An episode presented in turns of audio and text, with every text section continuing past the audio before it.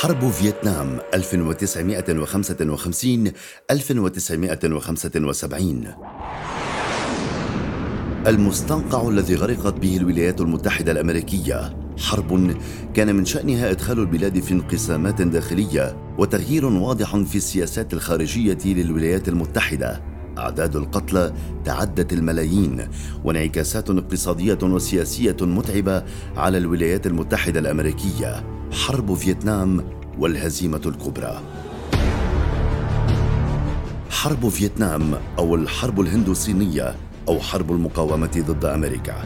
لطالما كانت فيتنام تعاني من الاستعمار والاحتلال المتتالي عليها حيث كانت تقبع تحت الاستعمار الفرنسي فدخلت صراعا للاستقلال استمر لثمان سنوات بين عامي 1946 و 1954 كما وتعرضت بعض أجزاء البلاد للاحتلال من قبل اليابانيين قبل أن تهزم في الحرب العالمية الثانية 1945 بعد هزيمة اليابانيين في الحرب.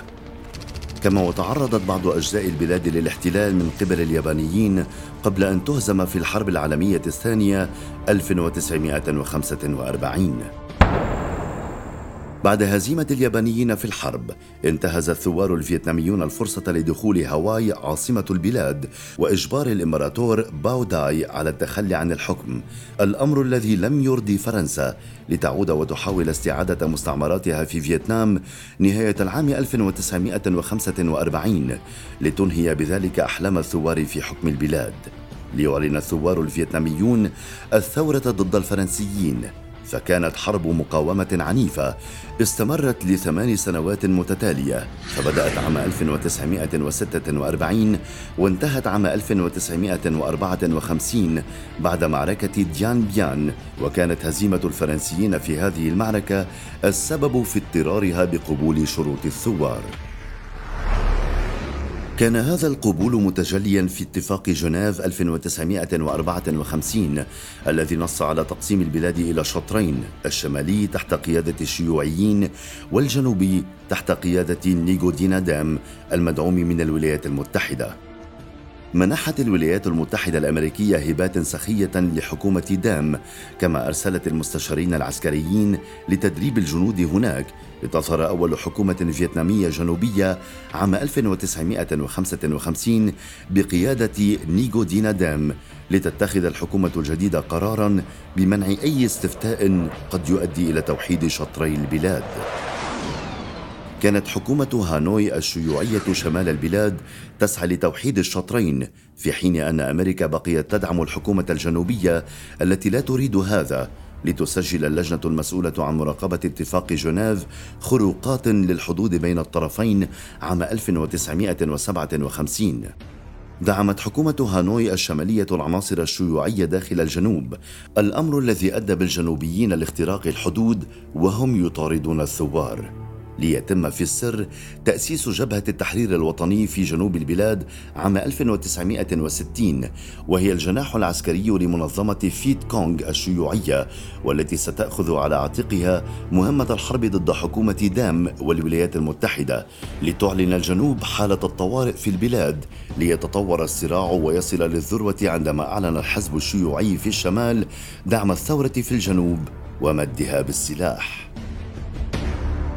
بعد هذا التطور أعلنت أمريكا الدعم التام لحكومة دام الجنوبية فوقعت معها اتفاقية تعاون اقتصادي في عهد الرئيس كندي عام 1961 ليتم الإعلان بعدها أن الولايات المتحدة ستقدم الدعم العسكري لفيتنام الجنوبية.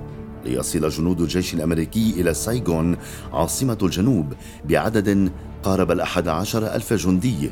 كما تم تأسيس مركز قيادة عمليات في العاصمة عام 1962 وفي أول إجراء اتخذه الأمريكيون وحكومة الجنوب تم قطع طرق الإمداد والقواعد عن جبهة التحرير الوطني عن طريق بناء قرى ومساكن أهلها موالين لحكومة دام لتصل سبعة ألاف قرية وضمت قرابة الثمان ملايين شخص. وعلى الرغم من هذه الدروع البشرية والسكنية سيطر ثوار الجبهة على 50% من تراب فيتنام الجنوبية.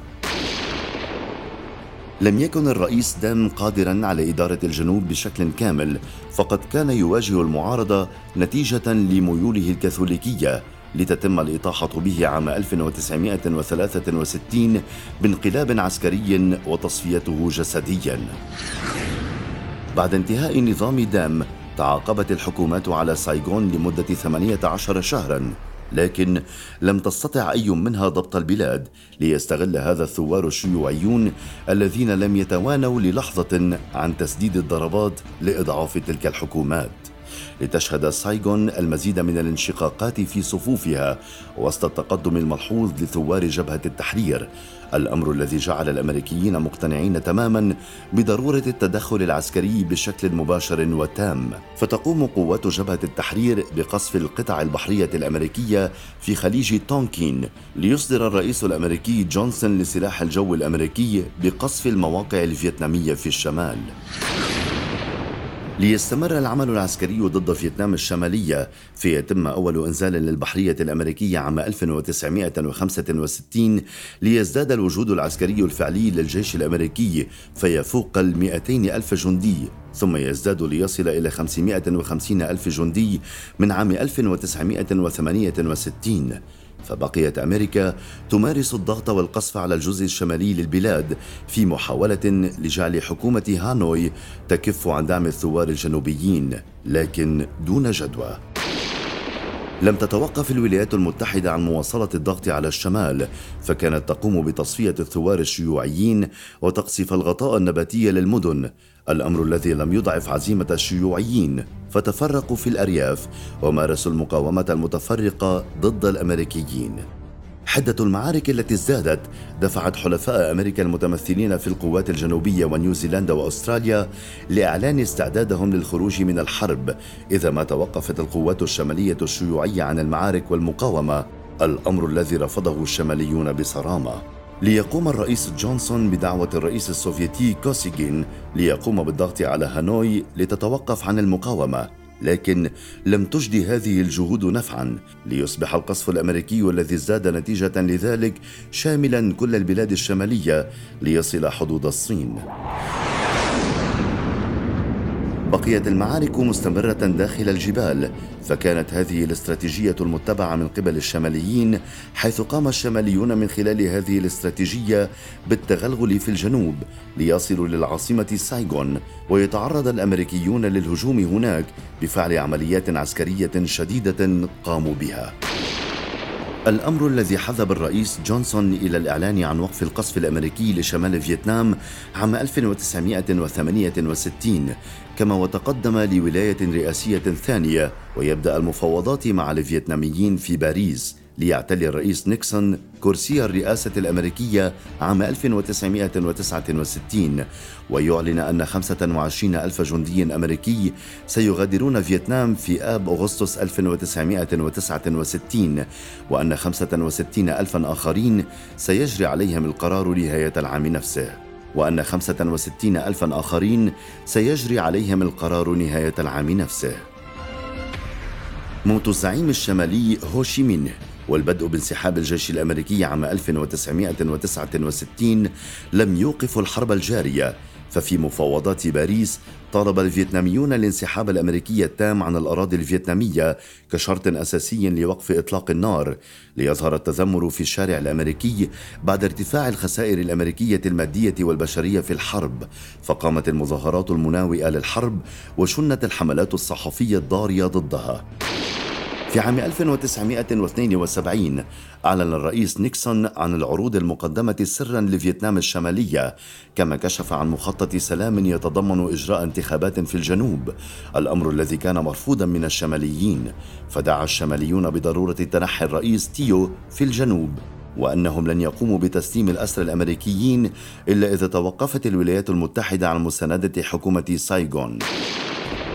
منعطف خطير مرت فيه الحرب عام 1972 حيث قامت فيتنام الشمالية بهجوم كاسح على جنوب البلاد في منطقة كانغ تري. لتتجاوز بذلك المنطقة المنزوعة السلاح لترد أمريكا بقصف جوي طال هاي بونغ في الشمال ففقدت الولايات المتحدة في هذا القصف العديد من الطائرات والضباط. في ظل هذا التصعيد كانت المفاوضات السرية على أشدها بين جميع الأطراف ليتم الإعلان عن وقف كامل لإطلاق النار في كانون الثاني يناير 1973 ليصل الاتفاق إلى إبقاء منطقة منزوعة السلاح بين شطري البلاد وانسحاب كامل للولايات المتحدة الأمريكية ووجود لجنة مراقبة دولية تراقب تطبيق الاتفاق. لكن وبعد فضيحة ووتر جيت في عهد الرئيس نيكسون لم يعد باستطاعته تقديم الدعم للجنوب. الأمر الذي دفع بقوات شمال البلاد إلى اكتساح الجنوب المغلوب على أمره. واستطاعوا بذلك الدخول للعاصمة سايغون وسط مقاومة طفيفة والسيطرة عليها. لتنتهي الحرب بأكثر من مليوني قتيل وثلاث ملايين جريح واثني عشر مليون لاجئ فيتنامي. أما أمريكا فخسرت 57 ألف جندي و153 ألف جريح وأكثر من 500 أسير تم إطلاق سراحهم فيما بعد تنوعوا بين مدني وعسكري.